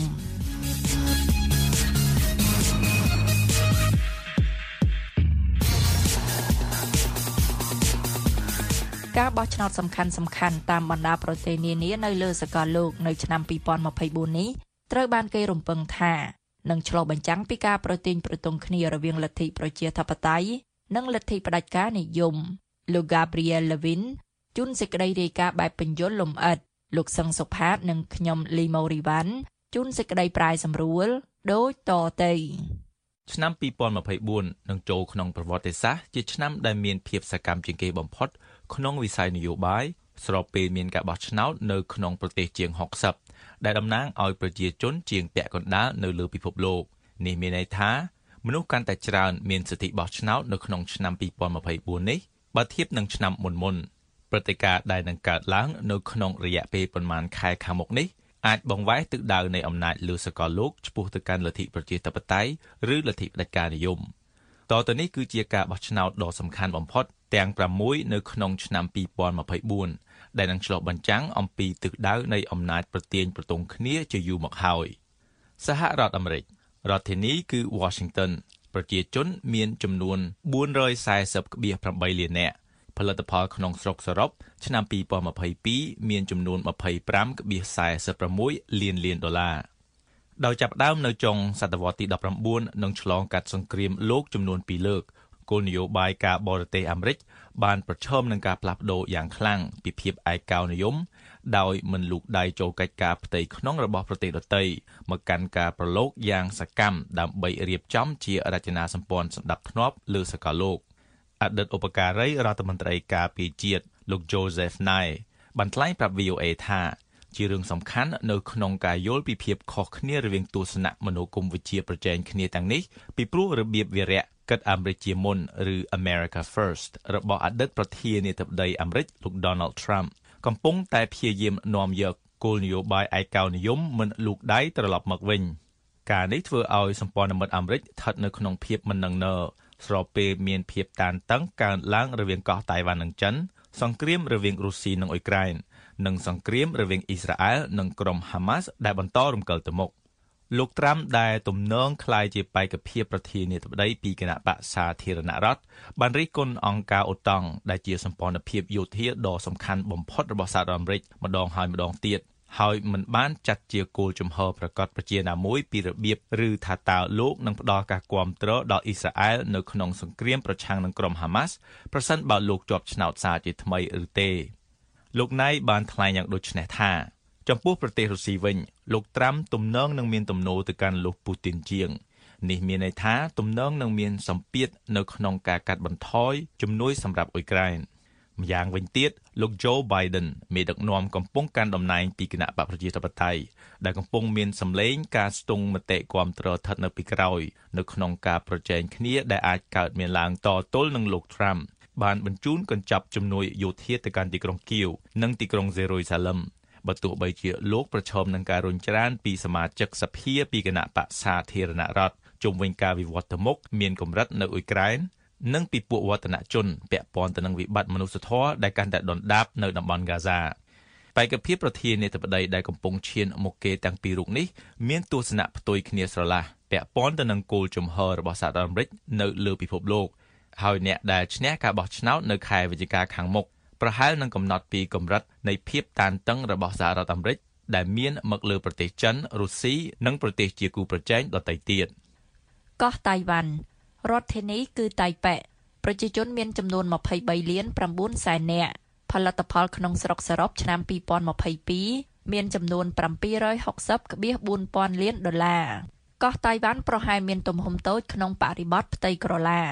ក៏ប៉ុន្តែកោះដឹកនាំបែបស្វ័យភាពមួយនេះដែលស្ថិតនៅមិនឆ្ងាយពីចិនដីគោកមានឥទ្ធិពលខ្លាំងលើសេដ្ឋកិច្ចពិភពលោកជាង70%នៃបន្ទះ chip computer នៅលើពិភពលោក និងបន្ទះ microchip បច្ចេកវិទ្យាខ្ពស់ប្រមាណ90%ត្រូវបានផលិតដោយក្រុមហ៊ុនតៃវ៉ាន់ចំណោទស្ដីពីឯករាជ្យភាពរបស់កោះតៃវ៉ាន់ពីចិនដីគោកដែលបានទាមទារដែនកោះមួយនេះ គឺជាចំណុចផ្ដោតនៃការប៉ះទង្គិចគ្នារវាងរដ្ឋាភិបាលក្រុង Washington និងរដ្ឋាភិបាលក្រុងប៉េកាំងបន្តក្នុងឆ្នាំ2024នេះប្រធានាធិបតីតៃវ៉ាន់លោកស្រីហ្សៃអ៊ីងវិនដែលអាណត្តិរបស់លោកស្រីមានកំណត់ហើយលោកស្រីមិនអាចឈរឈ្មោះបោះឆ្នោតកាលពីខែមករាកន្លងទៅបន្តទៅទៀតបានប្រមានសាធារណជននៅមុនការបោះឆ្នោតនោះថាចិនបានផ្សាយព័ត៌មានមិនពិតតាមប្រព័ន្ធអ៊ីនធឺណិតដើម្បីបង្វែរអ្នកបោះឆ្នោត ចេញពីបេក្ខភាពឈានមុខគេគឺអនុប្រធានាធិបតីនាពេលបច្ចុប្បន្នលោកឡៃឈីងទ័រលោកឡៃដែលតំណាងឲ្យគណៈបកវឌ្ឍនភាពប្រជាធិបតេយ្យ Democratic Progressive Party បានបង្កការខឹងសម្បារនៅចិនពាក់ព័ន្ធនឹងការអធិប្បាយរបស់លោក អំពីអធិបតេយ្យភាពកោះតៃវ៉ាន់ក៏ប៉ុន្តែគូប្រជែងចម្បងរបស់លោកឡៃប្រកាន់គោលជំហរទុនជាងនេះចំពោះរដ្ឋាភិបាលក្រុងប៉េកាំងនៅទីបំផុតលោកឡៃឈីងទ័រ បានឈ្នះការបោះឆ្នោតប្រធានាធិបតីតៃវ៉ាន់កាលពីថ្ងៃទី13ខែមករាកន្លងទៅនេះនិងរំពឹងថានឹងឡើងកាន់តំណែងនៅខែឧសភាអាមេរិកចាត់ទុកកោះតៃវ៉ាន់ជាសម្ព័ន្ធមិត្តកំពូលមួយរបស់ខ្លួន ស្របពេលចិនបានបង្កើនសកម្មភាពជើងទឹកនៅតំបន់សមុទ្រចិនខាងត្បូងលោក Biden បានបដិញ្ញាថាសហរដ្ឋអាមេរិកនឹងការពារកោះតៃវ៉ាន់ប្រសិនបើកោះនេះរងការឈ្លានពានដូចគ្នានឹងបញ្ហាពាក់ព័ន្ធអ៊ីស្រាអែលនិងអ៊ុយក្រែនដែរ លោក Trump វិញ បានបង្ហាញចំហមិនច្បាស់លាស់ពាក់ព័ន្ធនឹងកោះតៃវ៉ាន់ខណៈអ្នកវិភាគខ្លះព្រួយបារម្ភថាភាពតានតឹងរវាងចិននិងកោះតៃវ៉ាន់អាចក្លាយទៅជាសង្គ្រាមប្រសិនបើលោកឡៃទទួលបានជ័យជំនះមែននោះអ្នកស្រីយុនសុនប្រធានកម្មវិធីស្ដីពីចិនប្រចាំមជ្ឈមណ្ឌលស្រាវជ្រាវ Stimson និយាយថាសហរដ្ឋអាមេរិកកំពុងជំរុញឲ្យលោកឡៃមិនធ្វើឲ្យស្ថានភាពកាន់តែតានតឹង និងថា ចិនកំពុងផ្ដល់អតិភិបលើស្ថិរភាពជាងចំនួនដែលអាចកើតមានឡើងស្របពេលខ្លួនកំពុងដោះស្រាយបញ្ហាសេដ្ឋកិច្ចធ្លាក់ចុះក្នុងស្រុកអ្នកស្រីស៊ុនបានថ្លែងពីរបៀបរបស់គណៈបកកុម្មុយនីចិនចូលទៅកាន់ឆ្នាំ2024ថាប្រធានាធិបតីចិនលោកស៊ីជីនពីងមានបញ្ហាធំជាងនេះដើម្បីដោះស្រាយអ្នកស្រីស៊ុនបានបន្តថាក៏ប៉ុន្តែនេះมันមានន័យថាចិននិងកោះតៃវ៉ាន់នឹងមានលក្ខខណ្ឌប្រសើរជាងមុនរវាងគ្នា នៅក្នុងរយៈពេល4ឆ្នាំខាងមុខ ក្រោមការដឹកនាំរបស់លោកឡៃដែលថាចិនបានចាត់ទុកលោកឡៃថាมันអាចធ្វើការជាមួយបាន នៅក្នុងសុន្ទរកថាឆ្នាំថ្មី លោកស៊ីបានបដិញ្ញាថាចិននិងកោះតៃវ៉ាន់នឹងបង្រួបបង្រួមយ៉ាងច្បាស់ដោយមិនបានបញ្ជាក់ពីពេលវេលាប្រធានទីភ្នាក់ងារស៊ើបការសម្ងាត់ CIA លោក William Burns ពីមុនមកធ្លាប់បានប្រមានថាសហរដ្ឋអាមេរិកដឹងតាមរយៈព័ត៌មានចារកម្មថាលោកស៊ី មានគោលដៅត្រៀមលក្ខណៈរួចរាល់នៅត្រឹមឆ្នាំ2027ដើម្បីធ្វើការឈ្លានពានប្រកបដោយជោគជ័យប្រទេសរុស្ស៊ីរដ្ឋធានីគឺម៉ូស្គូប្រជាជនមានចំនួន144លាននាក់ផលិតផលក្នុងស្រុកសរុបឆ្នាំ2022មានចំនួន2.24លានលានដុល្លារ បន្ទាប់ពីការឈ្លានពាននៅអ៊ុយក្រែនកាលពី2ឆ្នាំមុនសម្ព័ន្ធមិត្តរដ្ឋាភិបាលក្រុងគៀវបានធ្វើឲ្យរុស្ស៊ីក្លាយជាប្រទេសរងទណ្ឌកម្មខ្លាំងជាងគេបំផុតនៅលើពិភពលោកដោយបានបង្អាក់សេដ្ឋកិច្ចនិងជំរុញឲ្យរុស្ស៊ីកាន់តែគៀកនឹងចិនដែលឥឡូវនេះក្លាយជាដៃគូពាណិជ្ជកម្មកម្ពុជារបស់ខ្លួនបើទោះបីជាអតិផរណាកំពុងឡើងខ្ពស់អ្នកវិភាគមិនរំពឹងថាប្រធានាធិបតីរុស្ស៊ីលោក Vladimir Putin នឹងបាត់បង់តំណែងនៅក្នុងឆ្នាំ2024នេះទេ ស្របពេលគូប្រជែងនយោបាយសំខាន់សំខាន់របស់លោក បានជាប់ពន្ធនាគារនិរទេសខ្លួន បាត់ខ្លួន ឬស្លាប់ក្រោមកលៈទេសៈគួរឲ្យសង្ស័យនោះលោក Sergei Radchenko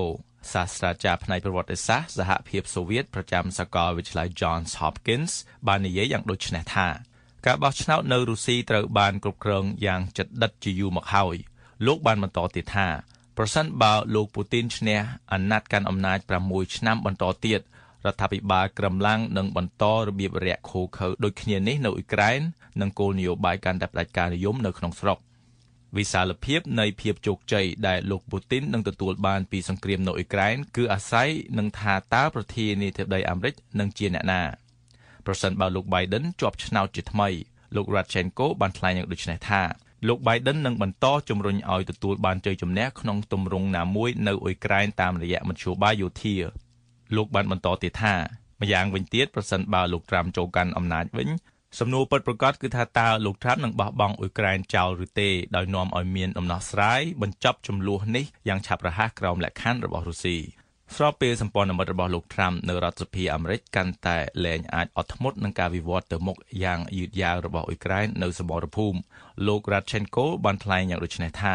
លោកពូទីនចាប់អារម្មណ៍នៅក្នុងការបំបែកបំបាក់សហរដ្ឋអាមេរិក ជាមួយនឹងសម្ព័ន្ធមិត្តប្រចាំប្រទេសរបស់ខ្លួននៅអឺរ៉ុបរដ្ឋសភាអាមេរិកបានអនុម័តសេចក្តីព្រៀងច្បាប់មួយកាលពីខែធ្នូឆ្នាំ2023ដែលតម្រូវឲ្យមានការអនុម័តពីព្រឹទ្ធសភាមុនពេលសហរដ្ឋអាមេរិកអាចដកខ្លួនចេញពីអង្គការអូតាំងបានលោក Radchenko បានលើកឡើងថាប្រសិនបើលោក Trump ឈ្នះអាណត្តិទី2លោកនឹងមិនអាចដកអាមេរិកចេញពីសម្ព័ន្ធភាពនេះដោយខ្លួនឯងដោយដែលលោកធ្លាប់បានគម្រាមធ្វើពីមុនមកនោះទេ ប៉ុន្តែមន្ទិលរបស់លោកត្រាំអំពីអង្គការអូតង់នៅតែអាចបង្កឲ្យមានភាពចលាចលនិងការខ្វែងគំនិតគ្នានៅប្រចាំប្រទេសដែលនេះមានប្រយោជន៍សម្រាប់លោកពូទីនសហភាពអឺរ៉ុបរដ្ឋធានីគឺ Brussels ប្រជាជនមានចំនួន448លាននាក់ផលិតផលក្នុងស្រុកសរុបឆ្នាំ2022មានចំនួន17.458លានលានដុល្លារសហភាពអឺរ៉ុបកំពុងរំកិលទៅកាន់ការបោះឆ្នោតនៅខែមិថុនា អ្នកនយោបាយប្រជានិយមដែលមានទំនោរប្រឆាំងនឹងអន្តោប្រវេសន៍និងដែលមិនមានគោលជំហរតឹងរឹងលើរុស្ស៊ីនិងចិនត្រូវគេរំពឹងថានឹងជំរុញសហភាពអឺរ៉ុបទៅនិន្នាការស្ដាំនិយមទោះជាយ៉ាងណាក្តីសហភាពអឺរ៉ុបមានអំណាចត្រឹមតែដើរតួជាអ្នកត្រួតពិនិត្យប៉ុណ្ណោះនៅក្នុងសហភាពអឺរ៉ុបគណៈកម្មការអឺរ៉ុបដែលមានប្រធានគឺអ្នកស្រី Ursula von der Leyen និងដែលមិនទាន់ប្រកាសការឈរឈ្មោះសារជាថ្មីសម្រាប់ឆ្នាំ2024 មានអំណាចខ្លាំងជាងសហភាពអឺរ៉ុបអ្នកស្រី von der Leyen បានបដិញ្ញាគាំទ្រអ៊ុយក្រែននិងបានជំរុញប្រធានាធិបតីចិនលោកស៊ីជីនពីងឲ្យដោះស្រាយបញ្ហាអតុល្យភាពពាណិជ្ជកម្មជាមួយអឺរ៉ុបប្រសិនបើជាប់ឆ្នោតសារជាថ្មី អ្នកស្រី von der Leyen នឹងដើរតួជាកម្លាំងទប់ទល់មួយនៅក្នុងសហភាពអឺរ៉ុបដែលកាន់តែមានភាពប្រជានិយមដោយអ្នកស្រីនឹងព្យាយាមរក្សាតុល្យភាពរវាងផលប្រយោជន៍ដ៏ចម្រុះហើយពេលខ្លះ ទំនាស់នឹងគ្នានៃបណ្ដាប្រទេសសមាជិកនិងគោលដៅនៃការទប់ស្កាត់រុស្ស៊ីដោយដែលអ្នកស្រីបានលើកឡើងអ្នកស្រី Ivana Karaskova សមាជិកគណៈកម្មការសហភាពអឺរ៉ុបផ្នែកគុណតម្លៃនិងតម្លាភាពបានថ្លែងប្រាប់ VOA ថាប្រជាជាតិអឺរ៉ុបមានការប្រុងប្រយ័ត្នក្នុងការដាក់ចិននិងរុស្ស៊ីនៅក្នុងក្រុមតែមួយនៃរបបផ្ដាច់ការនិយមដោយភ័យខ្លាចថាការកាត់ផ្ដាច់លោកស៊ី អាចធ្វើឲ្យអឺរ៉ុបធ្លាក់ចូលក្នុងសង្គ្រាមពាណិជ្ជកម្មដែលបង្កមហន្តរាយដល់សេដ្ឋកិច្ចថ្មីមួយទៀតអ្នកស្រី Karaskova បានថ្លែងថាយើងបានឃើញរួចមកហើយនៅចំណាត់ការនៅអឺរ៉ុបភាគកណ្ដាលនិងភាគខាងកើតដើម្បីធ្វើប្រក្រតីភាពឡើងវិញនៅទំនាក់ទំនងជាមួយចិនសហភាពអឺរ៉ុបក្រោមការដឹកនាំរបស់អ្នកស្រី von der Leyen មានការប្រុងប្រយ័ត្នចំពោះការកាត់ផ្តាច់ចិនចេញ បើទោះបីជារដ្ឋាភិបាលក្រុងប៉េកាំងបានជួយរដ្ឋាភិបាលក្រុងមូស្គូកិច្ចពីទណ្ឌកម្មពីលោកខាងលិចក៏ដោយក៏ប៉ុន្តែអ្វីដែលការបោះឆ្នោតនៅឆ្នាំ2024នឹងសម្រេចឡើងនោះគឺថាតើមានការរុញច្រានលើរបៀបវារៈគ្រប់គ្រងអ៊ុយក្រែនរបស់អ្នកស្រី von der Leyen ក្នុងកម្រិតប៉ុណ្ណាពីក្រុមចម្រុះនៃសមាជិកសហភាពអឺរ៉ុបប្រកាន់ស្ដាំនិយមដែលត្រៀមចូលបម្រើការស្របពេលដែលអ៊ុយក្រែនជិតនឹងក្លាយជាសមាជិកសហភាពអឺរ៉ុបផ្លូវការប្រទេសឥណ្ឌា រដ្ឋធានីគឺ New Delhi ប្រជាជនមានចំនួន1430លាននាក់ផលិតផលក្នុងស្រុកសរុបឆ្នាំ2022មានចំនួន3.385លានលានដុល្លារអ្នករិះគន់នាយករដ្ឋមន្ត្រីឥណ្ឌាលោក Narendra Modi និងគណៈបកកណ្ដាលអំណាច Bharatiya Janata Party ឬ BJP របស់លោកនិយាយថាក្រុមអ្នកកាន់សាសនាភាគតិចនៅក្នុងប្រទេស កំពុងប្រឈមមុខនឹងការធ្វើទុកបុកម្នេញយ៉ាងទូលំទូលាយស្របពេលរបៀបវារៈជាតិនិយមបែបហិណ្ឌូរបស់លោកម៉ូឌីកំពុងតែបោះជំហានទៅមុខអំពើហិង្សាប្រឆាំងនឹងពលរដ្ឋឥណ្ឌាកាន់សាសនាស៊ីកនិងសាសនាអ៊ីស្លាមកាន់តែកើនឡើងនិងញឹកញាប់ការរិះគន់ទាំងនោះមិនមានត្រឹមតែនៅឥណ្ឌាប៉ុណ្ណោះទេរដ្ឋាភិបាលរបស់លោកម៉ូឌីបានប្រឈមនឹងការចោទប្រកាន់ពីការធ្វើឃាតនិរទេសជនកាន់សាសនាស៊ីកនៅក្នុងទីក្រុងតូរ៉ុនតូប្រទេសកាណាដា កាលពីពាក់កណ្ដាលឆ្នាំមុននិងផែនការធ្វើឃាតមិនបានសម្រេចមួយទៀតមកលើសកម្មជនកាន់សាសនាស៊ីកកំពុងរស់នៅទីក្រុងញូវយ៉កសហរដ្ឋអាមេរិកកាលពីខែវិច្ឆិការឿងអាស្រូវទាំងនេះបានធ្វើឲ្យមានភាពរកម្មរកូសក្នុងទំនាក់ទំនងការទូតរបស់ឥណ្ឌាជាមួយប្រចាំប្រទេសយ៉ាងណាក្តីអតីតឧបការីរដ្ឋមន្ត្រីការពារជាតិអាមេរិកលោក Joseph Nye បានព្យាករថាទាំងឥណ្ឌានិងសហរដ្ឋអាមេរិកនឹងមិនបណ្ដោយឲ្យចំណងរបស់ពួកគេដួលរលំនោះទេ លោកបានបន្តថាអ្វីដែលធ្វើឲ្យប្រទេសទាំងពីររួបរวมគ្នាគឺការព្រួយបារម្ភរួមអំពីការងើបឡើងរបស់ចិនជាមហាអំណាចក្នុងនាមជាប្រទេសកាន់លទ្ធិប្រជាធិបតេយ្យសេរីនិយមធំជាងគេបង្អស់នៅលើពិភពលោកឥណ្ឌាបានបង្ហាញថាខ្លួនជាប្រទេសអាចតតាំងក្នុងតំបន់បានទៅនឹងចិននិងកូរ៉េខាងជើងលើផ្នែកលទ្ធិលោកណៃបានថ្លែងយ៉ាងដូចនេះថា ខ្ញុំមិនគិតថាអាមេរិកនឹងធ្វើអ្វីដែលនឹងបង្កអស្ថិរភាពមកលើទំនាក់ទំនងរបស់ពួកគេជាមួយឥណ្ឌានោះទេមិនថាសហរដ្ឋអាមេរិកនឹងត្រូវដឹកនាំដោយលោក Biden ឬលោក Trump នោះទេប្រធានាធិបតីទាំងពីរដឹងថាការរក្សាទំនាក់ទំនងជិតដិតជាមួយឥណ្ឌាគឺមានសារៈសំខាន់នៅក្នុងការជំរុញទៅមុខនៅលទ្ធិប្រជាធិបតេយ្យនៅអាស៊ីបើទោះបីជារដ្ឋាភិបាលរបស់លោកម៉ូឌីងាកទៅកាន់ភាពផ្ដាច់ការនិយមពេលខ្លះក៏ដោយ យោងតាមក្រុមហ៊ុនប្រឹក្សាយោបល់ Morning Consult លោក Modi មានអត្រាគាំទ្រខ្ពស់រហូតដល់77%ដែលនេះធ្វើឲ្យលោកស្ថិតនៅកំពូលតារាងនៅក្នុងការជាប់ឆ្នោតអាណត្តិ5ឆ្នាំលើកទី3ទៀតនៅក្នុងការបោះឆ្នោតដែលនឹងត្រូវធ្វើឡើងនៅខែមេសាប្រសិនបើលោកទទួលបានជ័យជំនះគេរំពឹងថាលោកម៉ូឌីនឹងពង្រឹងទំនាក់ទំនងដែលលោកបានបង្កើតរួចទៅហើយទាំងជាមួយលោកត្រាំនិងលោក Biden អំឡុងពេលដែលលោកម៉ូឌីកាន់តំណែងជានាយករដ្ឋមន្ត្រីឥណ្ឌាអស់រយៈពេលជិតមួយទសវត្សរ៍មកនេះអាហ្វ្រិកខាងត្បូងប្រជាជនមានចំនួន62លាននាក់ផលិតផលក្នុងស្រុកសរុបឆ្នាំ2022មានចំនួន405.8000លានដុល្លារសូមបញ្ជាក់ថាអាហ្វ្រិកខាងត្បូង មានរដ្ឋធានីចំនួន3គឺទីក្រុង Cape Town ផ្នែកនីតិបញ្ញត្តិទីក្រុង Pretoria ផ្នែកនីតិប្រតិបត្តិនិងទីក្រុង Bloemfontein ផ្នែកតុលាការគណៈបកកណ្ដាលអំណាចនៅអាហ្វ្រិកខាងត្បូងកំពុងប្រឈមនឹងភាពរង្គោះរង្គើបំផុតចាប់តាំងពីឆ្នាំ1994មកនៅពេលដែលប្រធានាធិបតីជាប់ឆ្នោតកាលពីគ្រានោះគឺលោក Nelson Mandela និងគណៈបកសមាជជាតិអាហ្វ្រិក African National Congress របស់លោកបានបញ្ចប់របបប្រកាន់ពូជសាសន៍ Apartheid និងបានបង្កើតជារយៈកាលនៃការដឹកនាំក្រោមតំណាងសម្លេងភាគច្រើនឥឡូវនេះជាលើកដំបូងនៅក្នុងរយៈពេល3ទសវត្សរ៍ គណៈបកសមាជជាតិអាហ្វ្រិកកំពុងប្រឈមមុខនឹងការបាត់បង់សម្លេងភាគច្រើន នៅក្នុងប្រព័ន្ធនីតិបញ្ញត្តិដើម្បីបន្តកាន់អំណាចគណៈបកនេះទំនងនឹងត្រូវបង្ខំចិត្តបង្កើតសម្ព័ន្ធភាពចម្រុះជាមួយគណៈបកដទៃទៀតទោះបីអាហ្វ្រិកខាងត្បូងមានឈ្មោះជាប្រទេសដែលមានវិស័យឧស្សាហកម្មជឿនលឿនជាងគេបំផុតនៅទ្វីបអាហ្វ្រិកក្តីក៏ប្រទេសនេះមិនមែនមិនបានរងប៉ះពាល់ពីបញ្ហាសេដ្ឋកិច្ចដែលបានកើតឡើងអំឡុងពេលក្រោយវិបត្តិជំងឺ Covid-19 នៅលើពិភពលោកនោះទេដោយមានអត្រាគ្មានការងារធ្វើ1ភាគ3និងបញ្ហាដាច់អគ្គិសនីទូទាំងប្រទេសជនវ័យក្មេងអាហ្វ្រិកខាងត្បូងជាពិសេសបានងាកចេញពីគណៈបកសមាជជាតិអាហ្វ្រិកស្របពេលប្រធានាធិបតីលោក Cyril Ramaphosa សន្យានឹងលុបបំបាត់អំពើពុករលួយ នៅក្នុងជួរគណៈបករបស់លោកលោក Daniel Silk អ្នកវិភាគនយោបាយអាហ្វ្រិកខាងត្បូងនិយាយថា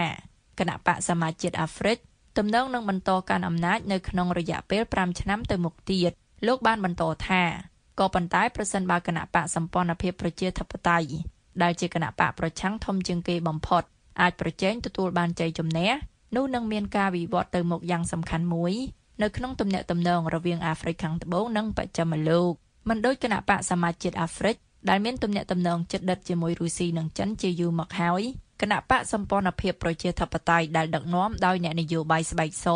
មានមូលដ្ឋានទស្សនៈសេរីនិយមដោយស្រដៀងនឹងនៅសហរដ្ឋអាមេរិកនិងបណ្ដាប្រទេសលោកខាងលិចធំធំដទៃទៀតលោកសៀកនិយាយថាបើគណៈបកសមាជជាតិអាហ្វ្រិកបន្តកាន់អំណាចវាអាចបើកផ្លូវឲ្យមានទំនាក់ទំនងរឹងមាំជាងមុនរវាងចិននិងអាហ្វ្រិកខាងត្បូង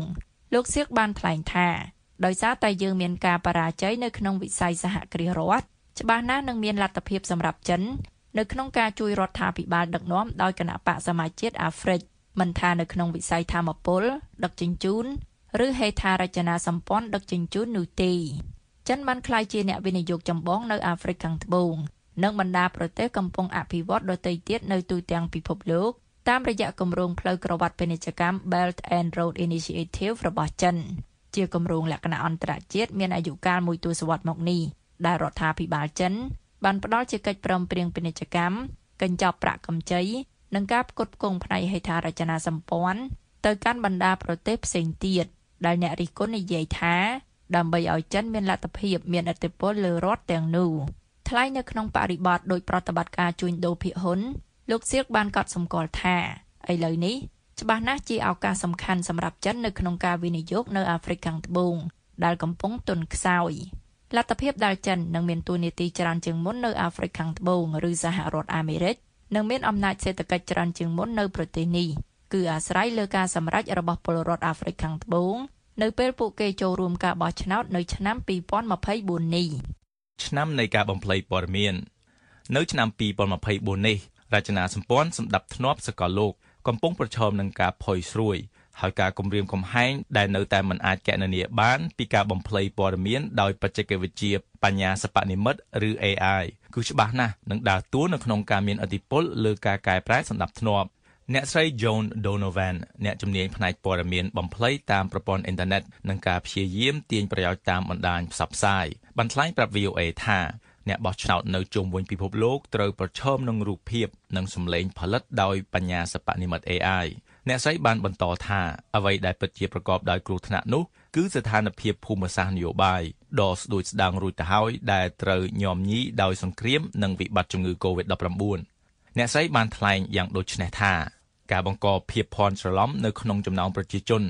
នៅពេលពួកគេមានការភ័យខ្លាចការអត់ឃ្លាននិងគ្មានប្រកាស អាចបង្កជាផលវិបាកដ៏អន្តរាយប្រសិនបើប្រជាជនទាំងនោះបាត់បង់ជំនឿលើលទ្ធិប្រជាធិបតេយ្យដូច្នេះតើភ្នាក់ងារលូកលាន់ប្រឆាំងនឹងលទ្ធិប្រជាធិបតេយ្យមួយណាដែលអ្នកបោះឆ្នោតជុំវិញពិភពលោកគួរតែមានការប្រុងប្រយ័ត្ននៅក្នុងឆ្នាំ2024នេះជុំវិញការលូកលាន់នៅក្នុងការបោះឆ្នោតក្រសួងការបរទេសអាមេរិកបានព្រមាននៅក្នុងកំណត់ហេតុបែកធ្លាយមួយដែលខ្លួនបានចែករំលែកជាមួយនឹងស្ថានទូតជាង100កាលពីខែតុលាឆ្នាំ2023ថារុស្ស៊ីគឺជាជនដៃដល់ឈានមុខគេ យោងតាមរបាយការណ៍នេះរដ្ឋាភិបាលទីក្រុងមូស្គូកំពុងស្វះស្វែងបង្កអស្ថិរភាពនៅតាមបណ្ដាប្រទេសកាន់លទ្ធិប្រជាធិបតេយ្យតាមរយៈការលាបពណ៌ការបោះឆ្នោតថាមិនដំណើរការហើយរដ្ឋាភិបាលដែលត្រូវជ្រើសតាំងគឺមិនសមស្របការស្រាវជ្រាវធ្វើឡើងដោយមជ្ឈមណ្ឌល Threat Analysis របស់ក្រុមហ៊ុន Microsoft ដែលបានចេញផ្សាយកាលពីខែវិច្ឆិកាព្យាករណ៍ថានៅឆ្នាំ2024រុស្ស៊ីអ៊ីរ៉ង់និងចិនទំនងលូកលាន់ នៅក្នុងការបោះឆ្នោតសំខាន់សំខាន់នានាជុំវិញពិភពលោករួមមាននៅសហរដ្ឋអាមេរិកដោយប្រើប្រាស់រូបថ្លុករូប GIF សារសំឡេងវីដេអូឃ្លីបនិងជនល្បីឈ្មោះតាមបណ្ដាញសង្គមឬ influencers នៅលើបណ្ដាញសង្គមដើម្បីចែករំលែកព័ត៌មានបំភ្លៃប្រកបដោយប្រសិទ្ធភាពដែលមិនធ្លាប់មានពីមុនមកអ្នករៀបរៀងរបាយការណ៍បានរៀបរាប់យ៉ាងដូចនេះថាសម្រាប់រុស្ស៊ីអ៊ីរ៉ង់និងចិនប្រធានាធិបតីអាមេរិកបន្ទាប់នឹងកំណត់ទិសដៅនៃចំនួន មិនថាសង្គ្រាមប្រហែលនឹងកើតឡើងឬសន្តិភាពប្រហែលនឹងបន្តនោះទេ ដោយបន្ថែមថាការប្រជែងគ្នាសម្រាប់តំណែងប្រធានាធិបតីអាមេរិកអាចជាការប្រជែងគ្នាដំបូងដែលតួអង្គផ្ដាច់ការនិយមបរទេសជាច្រើនព្យាយាមក្នុងពេលដំណើរគ្នាដើម្បីលូកលាន់និងមានឥទ្ធិពលមកលើលទ្ធផលបោះឆ្នោតអាមេរិកអ្នកស្រី Donovan និយាយថាក្រុមហ៊ុនបណ្ដាញសង្គមត្រូវតែគេឲ្យទទួលខុសត្រូវចំពោះតួនាទីរបស់ពួកគេ កាលពីខែកញ្ញាបណ្ដាញសង្គម X ដែលធ្លាប់ត្រូវគេស្គាល់ពីមុនមកថាជា Twitter បានរំសាយចោលនៅក្រុមការងារពិនិត្យមើលសុចរិតភាពចំពោះសារបង្ហោះស្ដីពីការបោះឆ្នោតដែលទទួលបន្ទុកលើការតាមដានយុទ្ធនាការអធិបុលពីក្រៅប្រទេសមកលើបណ្ដាញសង្គមនេះគណៈកម្មការអឺរ៉ុបកាលពីពេលថ្មីថ្មីនេះបានសម្រេចថាខ្លួនកំពុងស៊ើបអង្កេតបណ្ដាញសង្គម X ចំពោះការបំពានច្បាប់សហភាពអឺរ៉ុបជុំវិញការផ្សព្វផ្សាយព័ត៌មានបំភ្លៃដោយចោទប្រកាន់បណ្ដាញសង្គមមួយនេះ ពីការមិនបានធ្វើការគ្រប់គ្រាន់ដើម្បីគ្រប់គ្រងលើមាតិការបស់ខ្លួនអ្នកស្រី Donovan ថ្លែងថាក្រុមហ៊ុនមេតាបានបន្ថយកំណែទម្រង់សំខាន់សំខាន់ដែលពួកគេបានសម្រេចឡើងកាលពីមួយទសវត្សរ៍កន្លងមកនេះនិងបានបញ្ឈប់ក្រុមការងារស្រាវជ្រាវមួយចំនួនខណៈការត្រួតពិនិត្យហាក់ដូចជាសាបរលាបពីបណ្ដាញសង្គមខ្លះដែលមានប្រជាប្រិយភាពបំផុតនៅលើពិភពលោកព័ត៌មានដែលអាចជឿទុកចិត្តបាន មានសារៈសំខាន់កាន់តែខ្លាំងនាពេលនេះ ដើម្បីរក្សាលទ្ធិប្រជាធិបតេយ្យលើសកលលោកចាប់ពីកោះតៃវ៉ាន់សហភាពអឺរ៉ុបសហរដ្ឋអាមេរិកនិងហួសពីនេះទៀតអ្នកស្រី Donovan បានលើកឡើងយ៉ាងដូចនេះថាអ្នកសារព័ត៌មានស្ថិតនៅជួរមុខនៅក្នុងការបំបត្តិព័ត៌មានបំភ្លៃដែលជារឿយៗមានសកម្មភាពរហ័សជាងបណ្ដាញសង្គមទាំងនោះទៅទៀតពីរដ្ឋធានី Washington ខ្ញុំសង្សុផាត និងខ្ញុំលីម៉ូរីវ៉ាន់ VOA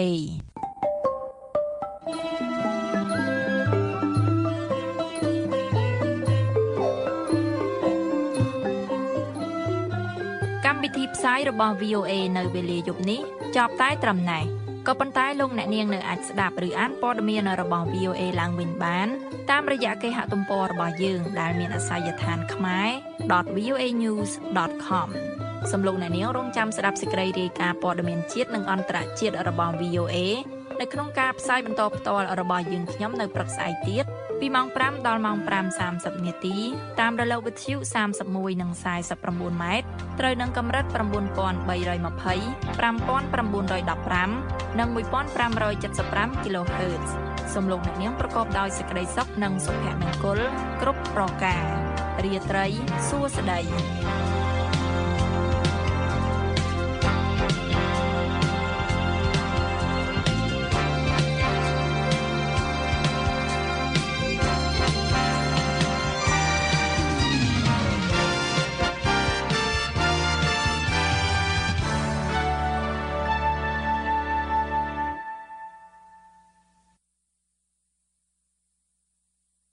This program has come to you from the Voice of America, Washington.